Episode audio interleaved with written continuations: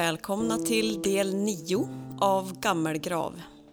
En podd om Erik Nilshammars novellsamling i 13 delar. Hej hej Erik! Hejsan. Vi har ju i tidigare avsnitt pratat en del om namn. Mm. Roliga, underfundiga, konstiga. Mm. Nu kommer det ett till här. Ja. Fläskkrogen. Vad är det för någonting? Ja, återigen så är det ju är ett exempel på en eh, bosättning i det här fallet som troligtvis har hetat någonting helt annat från början. Men sen utifrån de händelser som har utspelat sig där så har det fått det här ganska speciella namnet. Och vad är det för typ av händelser vi pratar om? Ja, det är ju... Det här sträcker sig ju ganska långt tillbaka, ända tillbaks till 1700-talet. Och det här är ju återigen en av de bosättningar som svedjefinnarna byggde upp uppe på Finnskogarna. Det här ligger mellan Näsberg och Los.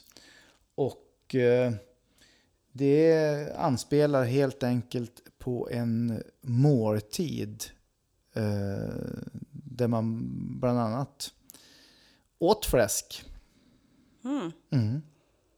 Och det här ska vara en sann historia? Dokumenterad? det här, den här händelsen finns dokumenterad och eh, det gick inte speciellt bra för de som, de som eh, var med på den här måltiden. Och eh, det intressanta är att platsen finns ju fortfarande kvar.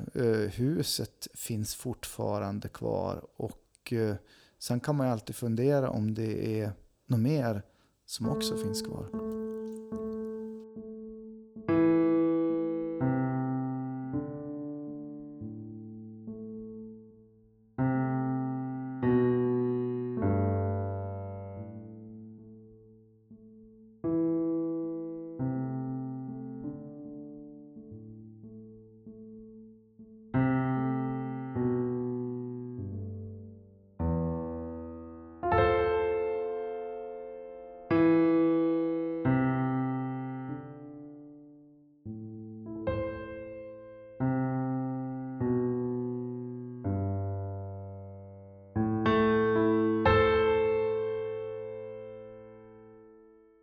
Fläskkrogen. Ibland tycktes de vidsträckta tallskogarna ändlösa. Mil efter mil med gråflammiga stammar som virvlade förbi utanför vindrutan. Han hade tidigt flyttat till Stockholm och blivit busschaufför.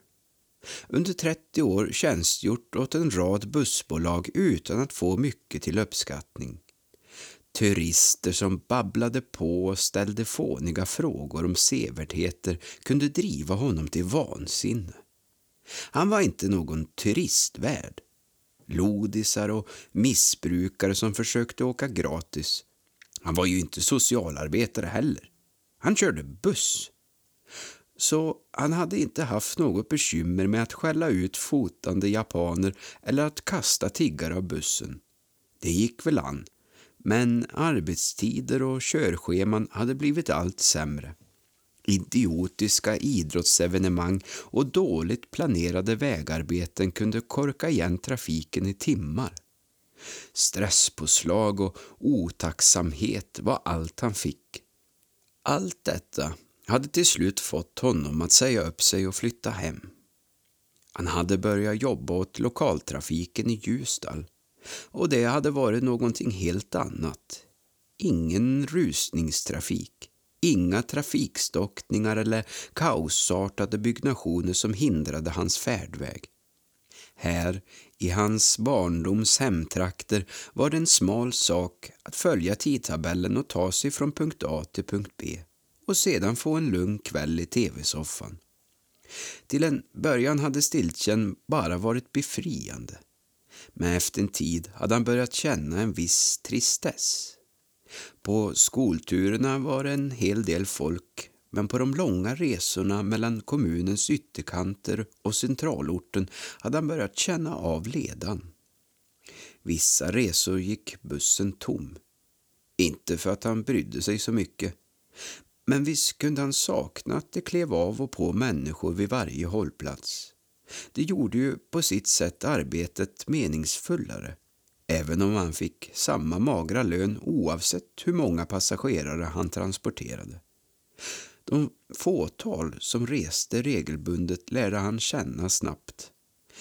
Några pendlade för studier, andra för arbete. De saknade körkort eller hade mist det på grund av fortkörning eller rattonykterhet. Det var tur för dem att busslinjen fortfarande trafikerades. Men det var en av hans passagerare som gjorde honom nyfiken. Linda Lampenius. Egentligen hette mannen naturligtvis någonting annat men busschauffören hade döpt honom till det i kontrast till den yppiga finska violinisten. Det roade honom. Allt för att liva upp den händelselösa bussturen. Lampenius var en liten grå man i slitna kläder som alltid klev på vid den ensliga hållplatsen vid Mysingsborg. Han betalade kontant.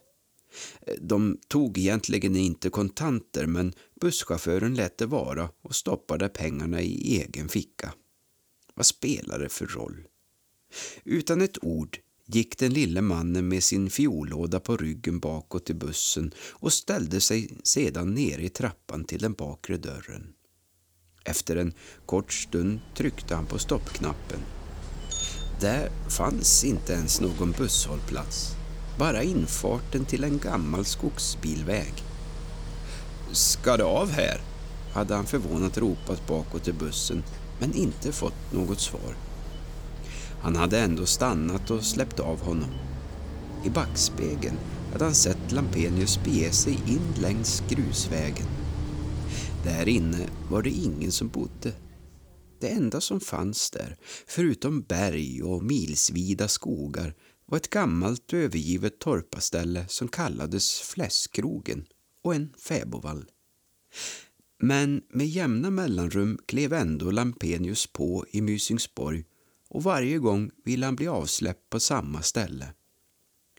Busschauffören hade inte kunnat låta bli att börja ställa en fråga varje gång han saktade in för att släppa av honom. Även om han inte förväntade sig något svar. Det blev som en ritual. Eftersom det sällan var några andra på bussen blev hans språk allt grövre. Men någon reaktion kom aldrig från den gamle vilket till slut började reta busschauffören. Har du klätt upp dig ikväll? Är det dans på fläskkrogen ikväll? Blir det något fett på stråken ikväll, Lampenius? För varje gång svaret uteblev blev han mer och mer undrande över vad figuren egentligen hade för ärende inne i skogen. Efter en tid fick han än en gång Lampenius som passagerare. Men just vid detta tillfälle var han inte ensam i bussen. En kvinna från Los hade klivit på och eftersom hon satt längst fram passade han på att fråga henne om hon visste vem farbrorn var. Men svaret förbryllade honom. Jag har inte sett någon vare sig kliva på eller stiga av, hade hon med likgiltig stämma förkunnat. Han hade varit på vippen att fatta humör och frågat om hon var berusad eller dum i huvudet men till sist lade han band på sig. Passagerarna måste behandlas med respekt, brukade de ansvariga på bussbolagen förmana honom. Det hade mer än en gång mottagits klagomål på grund av hans uppförande. Han hade till och med tvingats byta jobb. Folk var så jävla lättkränkta nu för tiden. Men nu när han hade flyttat hem fanns det inte lika många jobb att välja mellan så han svalde förtreten och frågade istället varför heter det där gamla torpet Fläskkrogen egentligen? Det kände minsann kvinnan till. Fläskkrogen, Jan Erssons torpaställe, härstammade ända från 1700-talet och vid ett tillfälle hade en grupp skogsfinnar som var på väg med kobolt från gruvan i Los rastat vid torpet. De var fyra till antalet och hade slagit följe med en femte, en spelman, som de träffat efter vägen. De hade startat sent på eftermiddagen men i fullmånens ljus hade de ändå kommit ett gott stycke på vägen mot Färila. Nu skulle de övernatta i Jan Erssons torp nära Rosjön. Med sig hade de fått fläsk från patron Kalmeter i Los. De prisade sin husbonde för hans givmildhet och lät sig sedan smörja kråset. Alla utom spelmannen som istället underhöll sällskapet med sin fiol till sena natten. Men redan tidigt på morgonen hade de märkt att någonting var fel. Skogsfinnarna blev sjuka med svåra plågor. De tog sig under stora umbäranden ner till Färila där de var tvungna att uppsöka läkare. Men ingenting verkade vilja hjälpa. Inom någon månad var de alla döda. Kan hända var det trikiner. Vissa påstod att skogsfinnarna gjort sig skyldiga till fasansfulla brott och att det var Gud som straffat dem. Andra hävdade att det var spelmannen som förgiftat dem för att de varit ohövliga. Kanske var det själva djävulen som förklätt sig i en spelmans kläder. Sådant hade ju hänt förr. Men hur det var med detta fick man aldrig någon rätsida på. Den enda som inte ätit av fläsket var spelmannen och han var försvunnen från torpet nästa morgon. Ingen såg någonsin till honom mer. Efter den händelsen kallades torpet för Fläskkrogen. Busschauffören hade uppmärksamt lyssnat till berättelsen och sedan tackat kvinnan för informationen. Inte för att eh, det förklarade Lampenius upprepade ärenden till grannskapet.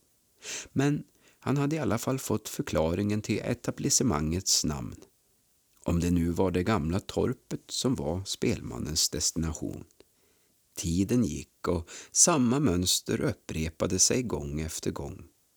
Chauffören tänkte att det var märkligt att Lampenius aldrig åkte i motsatt riktning eller med någon av de andra busslinjerna. Inte heller verkade någon veta vem han var. Varje gång han frågat någon av de fåtaliga passagerarna om mannen hade de reagerat som de alls inte sett honom. Detta gjorde honom mycket förbryllad. Till slut kände han att han måste ta reda på mer. Så när det blev helg och han äntligen blev arbetsbefriad tog han sin bil och åkte upp mot Los. Han saktade in där Lampenius brukade kliva av bussen och svängde in på grusvägen. Även om han vid det här laget var van vid att färdas genom dessa ödemarker så gav omgivningen honom en enslig och karg känsla. I den upplysta stora bussen på en asfalterad väg kände han sig hemma oavsett var han befann sig. Men här, mitt ute i skogen, i en liten personbil var det annorlunda. Han kände sig plötsligt liten och skogen verkade stor och hotfull. Efter en kilometers körning kom han fram till ett fallfärdigt torp. Inklämt mellan granarna och med ett tak som såg ut att kunna störta in när som helst. Var det här verkligen fläskkrogen? Han var osäker. Om det var så, hur kunde han veta att det var hit Lampenius brukade gå? Han stannade bilen vid vägkanten och stängde av motorn. Sedan gick han fram till ödehuset och tittade in genom en av de mörka rutorna. Där inne var det skumt. Muren av gammelgranar svepte in hela torpet i ett dunkel. Det var inte mycket ljus som hittade in genom de små fönstren. Han såg inte mer än att det var någon form av storstuga där inne. Bänkar efter väggarna och ett stort bord mitt på golvet. Men ingen verkade ha besökt platsen på länge. Stolarna låg omkullvälta i den allmänna oordningen. Gamla burkar, glas och plåttallrikar låg utslängda mitt på bordet och överallt ett tjockt lager damm. Spindelväv hängde i fönstren. Det verkade som om stället varit övergivet mycket länge. Lika bra var väl det. Snart skulle taket falla in och sedan skulle det inte dröja förrän stockvarv efter stockvarv ruttnat. Växtligheten skulle krypa allt närmare och naturen skulle lägga sig som ett tjockt täcke över Jan Erssons gamla torp.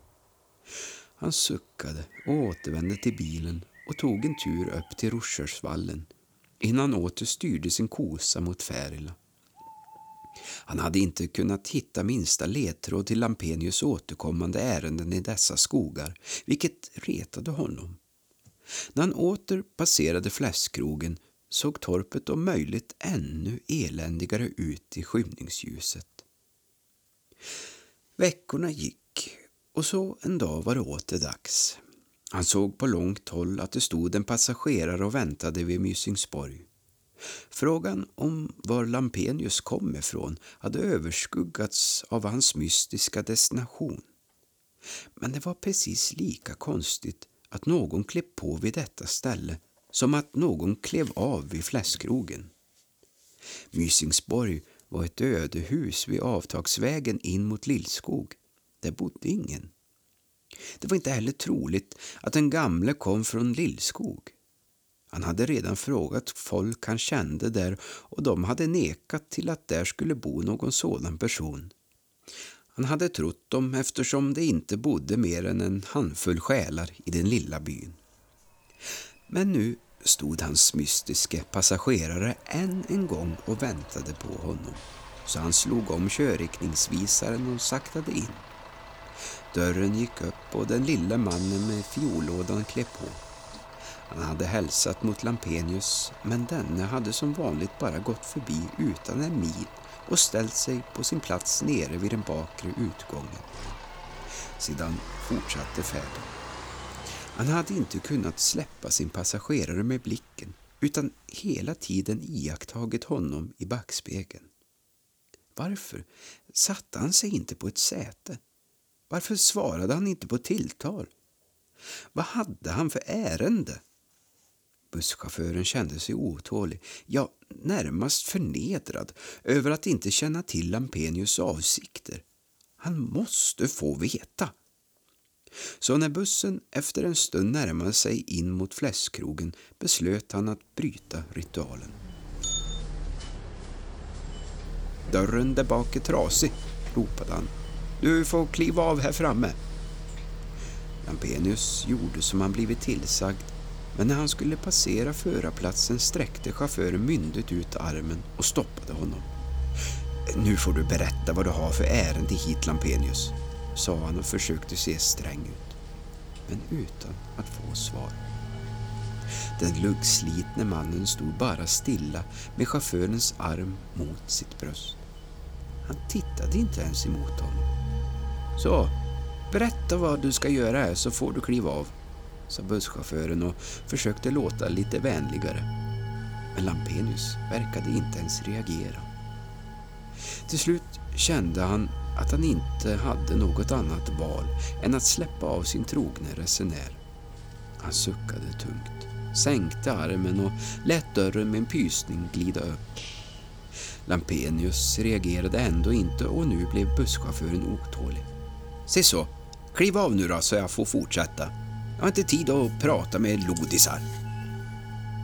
Med en långsam rörelse vred den gamle på huvudet och tittade på honom med ett par isande blå ögon utan att flacka det minsta med blicken. Det är rast vid Jan Erssons torp. Du är också bjuden. Sedan gick Lampenius av Busschauffören hade inte kommit sig för att säga någonting utan såg gapande på när mannen än en gång försvann bakom bussen och in i skogen. Dörren gick igen.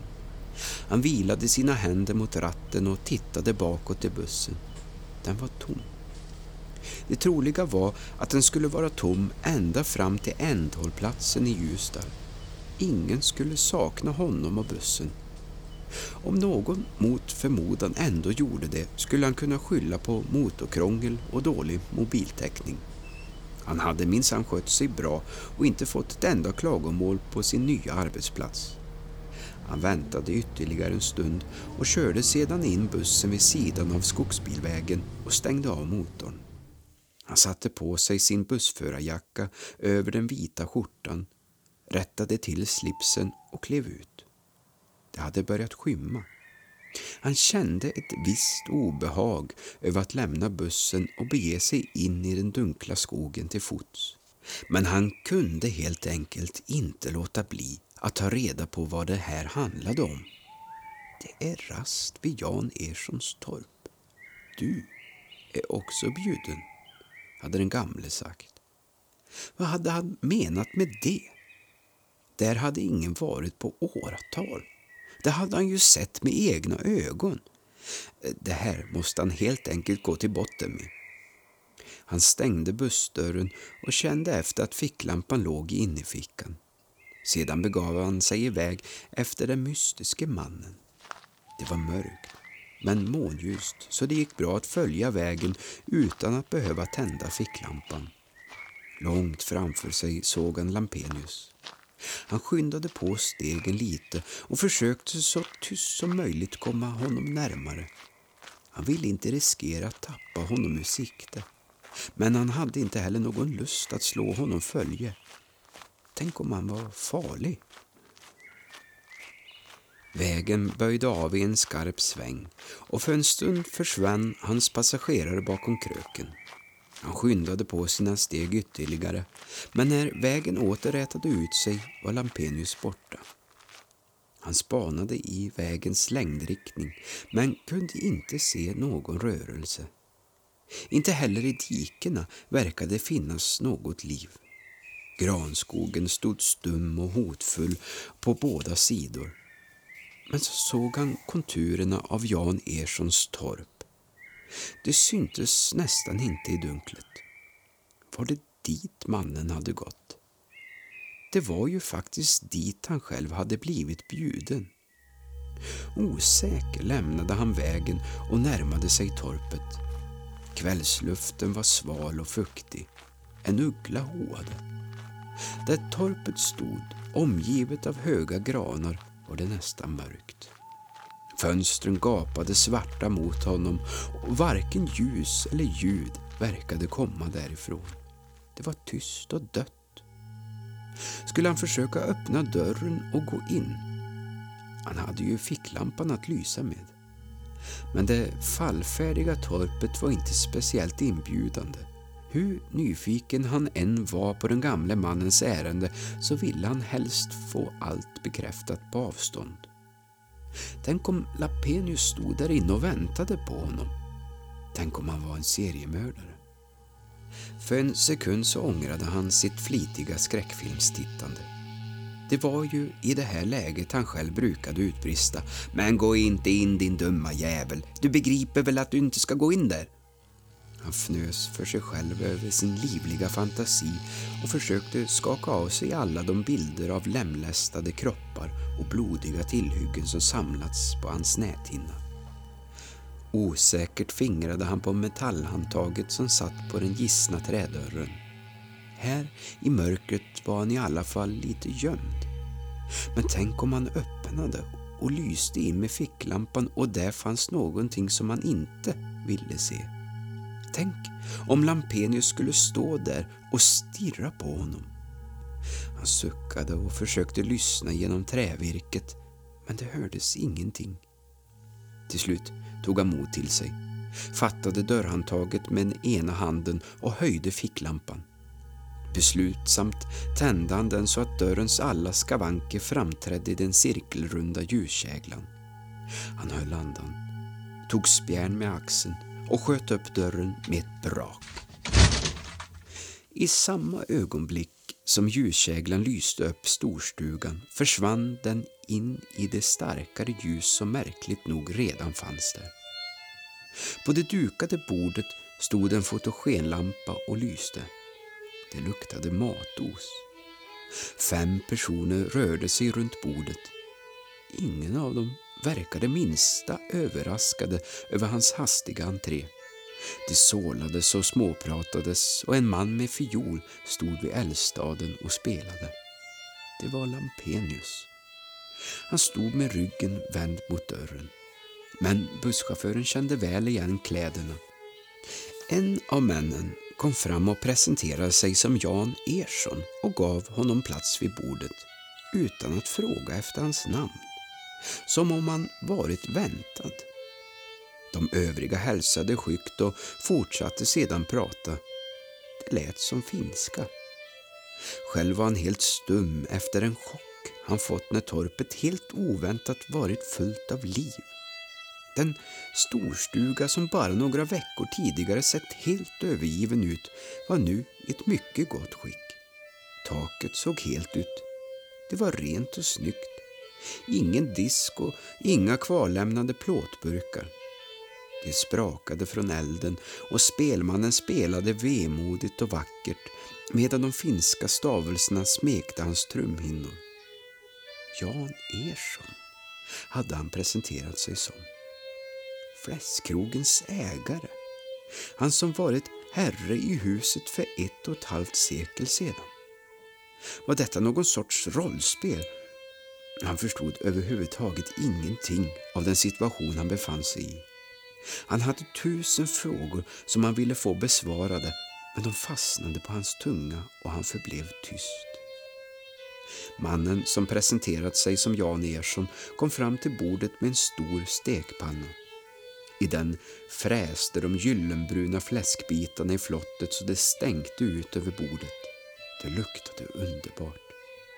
Han ställde ner stekpannan på ett grytunderlägg och kom sedan fram med en hel kastrull full med gyllengula svedjerovor. De övriga vid bordet tystnade och kastade lyssna blickar på det som ställts fram. Det märktes att de var hungriga. Vid den öppna spisen stod Lampenius fortfarande med ryggen mot bordet och gned på sin fiol. Jan Ersson såg att busschauffören sneglade på spelmannen och sa urskuldande Vi serverar inte luffare här, men så länge han spelar får han stanna. Skogsfinnarna sa någonting vasst på finska och en av dem spottade en snusloska åt spelmannens håll. Så satte sig också Jan Ersson vid bordet och de knäppte alla sex sina händer. Även busschauffören som inte förmådde sig till att göra annat. Fiolen tystnade och Jan Ersson böjde ner sitt huvud och välsignade maten innan de alla mumlade ett gemensamt amen. Musiken började åter ljuda från Lampenius fiol. Värmen från elden omfamnade honom och fick honom att slappna av. Fläsk och rovor lades upp på skogsfinnarnas tallrikar. Det luktade utsökt. Jan Ersson tömde upp svagdricka i glasen från ett stort krus. Chauffören försökte säga något, men det var som han blivit stum. Istället betraktade han den överdådiga måltid som dukades fram. Han fick mat på sin tallrik och fattade besticken. Brännvin hälldes upp till bredden i spetsiga glas. Skogsfinnarna hade redan börjat äta. Fiolmusiken hängde som ett gyllene flor över matbordet. Högtidligt strök han runt en bit rova i flottet innan han spetsade en fläskbit och förde den till munnen tuggade runt och blundade av välbehag. Men den förväntade smakförnimmelsen av salt fläsk och fyllig rova kom inte. Istället var det som om allt stannade av. Det blev mörkt, tyst och kallt. Han spärrade upp ögonen men såg bara ett svagt ljus komma in genom fönstret. Han famlade med händerna och kände att han satt framför ett bord. Snabbt fick han tag på ficklampan och tände den. Han svepte den runt omkring sig i den öde storstugan men där fanns bara damm och omkullvälta möbler. Ingen eld, inga människor. Det såg precis så öde ut som det gjort några veckor tidigare. Han lyste på bordet framför sig där det stod en tallrik med någonting som för mycket länge sedan varit en maträtt, men som nu kapslats in av ett tjockt lager damm och smuts. I sin andra hand höll han en gaffel med någonting oidentifierbart spetsat på dess tänder. Så kände han smaken av det som passerat hans mun. Smaken av mögel, damm och förruttnelse så torrt att det skav mot tandkött och kinder. Han spottade och fräste och kräktes till slut rakt över bordet. Hastigt reste han sig. Bänken han satt på slog bakåt och föll i golvet med en skräll. Han kastade gaffeln och stapplade bort mot dörren, slet tag i handtaget och öppnade. Det var som om han glömt var han egentligen befann sig. Ljuskäglan från ficklampan for runt i ett virrvarr av grenar och stammar. Han sprang genom det höga gräset men såg inte diket och ramlade handlöst ner i det. I fallet träffade ficklampan en sten. Det kraschade till och så blev det svart. Han rullade runt och hamnade på rygg innan han åter lyckades ta sig upp på fötter. Han stapplade upp på vägen och började småspringa mot bussen och landsvägen. Någonstans inne i skogen tyckte han sig höra fiolmusik. Hade Lampenius förhäxat honom? Eller hade han hallucinerat? Den vidriga smaken låg fortfarande kvar i munnen. Medan han sprang kände han hur magen hade börjat ömma. Vad hade han ätit? Det ville han inte ens veta. Med en fasansfull känsla av overklighet stapplade han vidare. Till slut kom han fram till bussen och med darrande händer lyckades han låsa upp dörren och hoppade in. Han kastade sig ner i förarstolen, startade och körde ut på riksvägen. Svetten rann innanför chaufförsuniformen. Han kastade oroliga blickar i sidobackspegeln för att se om det var någonting som förföljde honom. När han fått upp farten och dundrade ner för backarna mot Näsberg kände han hur smärtan i magen åter gjorde sig påmind. Den här gången allt starkare. Han kände sig illamående. Han spottade och fräste för att bli kvitt den vidriga smaken som fortfarande låg som en beläggning på hans tunga. Han la in en snus, men spottade genast ut den igen. Det var som om allt tagit smak av måltiden. Han kunde inte bli kvitt den. Smärtan i magen ökade. Den pulserade och växte. Någonting hemsökte honom. Han kände skuld. Som om upplevelsen på fläskkrogen givit honom en insikt. Han tänkte på det som berättats om händelsen i Jan Erssons torp. Hur skogsfinnarna behandlat spelmannen illa och fått plikta med sina liv. Alltihop hade spelats upp inför hans ögon med honom själv som deltagare. Han drabbades plötsligt av dåligt samvete. Han brukade ju aldrig visa någon barmhärtighet för de mindre bemedlade. Det var väl upp till var och en att överleva, hade han tyckt. Dessutom var han inte troende. Men kanske var det ändå så att ens handlingar lades i någon form av vågskål att man förr eller senare var tvungen att stå till svars. Det var en skrämmande tanke. Spår av hans tid i söndagsskoleundervisningen som barn satt ändå kvar någonstans djupt inom honom. Som man sår ska man också skörda. Och räkenskapens dag kommen. Eller fanns det ännu tid att göra bättring? Det högg till i magen så häftigt att han var tvungen att huka sig över ratten. Kallsvetten trängde fram. Han var förgiftad. Nu skulle han dö. Som i ett töcken susade bussen ner för de långa backarna. Vid Hönsheden var han nära att hamna i diket, men han lyckades till slut rätta upp ekipaget. Han ville inte dö. Han måste ta sig till sjukhuset. Eller var det någonting annat han behövde göra?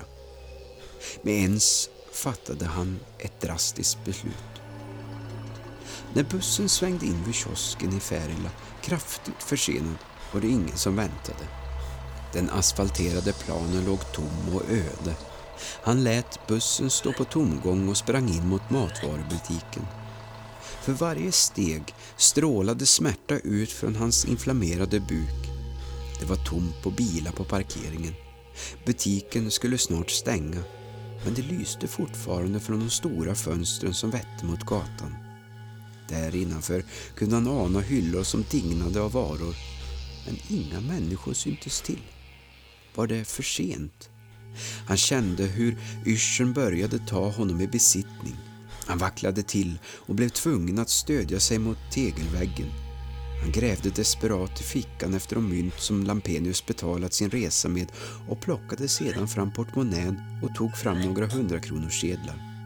Det skulle mer än väl täcka Lampenius bussresor. Men räckte det? Han drog fram två femhundringar, knöt näven runt pengarna och stapplade upp för rampen till butiken. Det var som en kniv körts in i hans mellangärde och vridits runt. Han jämrade sig tyst. Inte en själ syntes till. Dörrarna gick upp. Hade hans sista chans att benådas gått förlorad?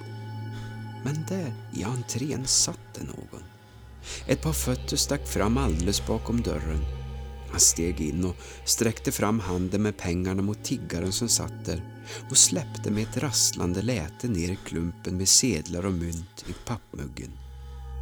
Dubbelvikt stod han och flåsade, oförmögen att resa sig upp. Muggen med pengarna och ett par grova skor var det enda han uppfattade av tiggaren. Smärtan låg kvar. Han måste ut i friska luften. Han snubblade ut genom dörren och nerför trampen. Vilken idiot han var. Varför hade han inte åkt raka vägen till akuten? Det här vansinnet kanske skulle kosta honom livet. Han sneddade åt över parkeringen i riktning mot bussen. Det hettade i hans ansikte. Magen skrek av smärta. Stegen blev allt kortare. Någonstans bakom sig tyckte han sig höra fiolmusik. Han stapplade över vägen mot bussen och höll på att bli påkörd av en passerande bil.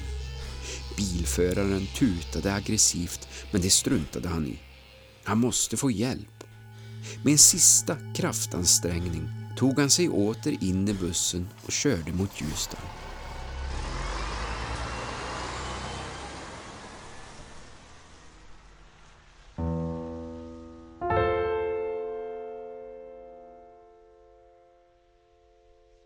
Efter tre veckor kunde han åter börja jobba. Han hade haft tur, sa de. Akut blodförgiftning. Det kunde förorsaka både feber, smärta och förvirring. Han var kraftigt medtagen och hade gått ner fem kilo av umbärandena. Kollegorna hade samlat ihop till en flaska whisky. Nu satt han åter med händerna på bussratten och rullade med tom buss nerför backarna från Los. Han kände hur anspänningen ökade. Skulle Lampenius stå och vänta på honom? Han susade genom den sista kurvan och såg raksträckan vid Mysingsborg i sin fulla längd. Hållplatsen var tom. Det hade nog bara varit ett hjärnspöke till följd av blodförgiftningen ändå. Han skrattade till. Tänk att åkomman hade drivit honom så långt att han sprungit rakt ut i skogen och inbillat sig att han var på fest för att sedan springa in på mataffären i Färila som en galen zombie. Över 1500 kronor hade blodförgiftning kostat honom. Pang! Rakt ner i tiggarens mugg. Han skrattade och ruskade på huvudet åt sin dumhet. Någonstans kände han ändå att det borde räknas som en god gärning. Men nu fick det vara bra. Nu var han frisk. Han gasade på och såg Mysingsborg ligga mörkt och ensligt invid busshållplatsen när han passerade. Skylten svischade förbi. Buss 82. Mysingsborg. Han drog en suck av lättnad och körde vidare. Plötsligt plingade det till. Någon hade tryckt på stoppknappen. Utan att kasta en blick i backspegeln saktade han in vid vägen in till fläskkrogen och öppnade bakdörren.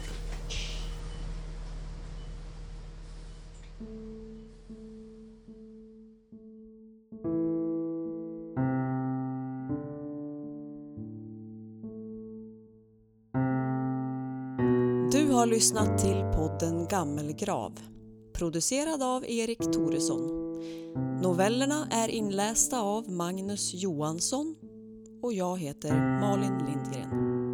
Tack för att du lyssnat!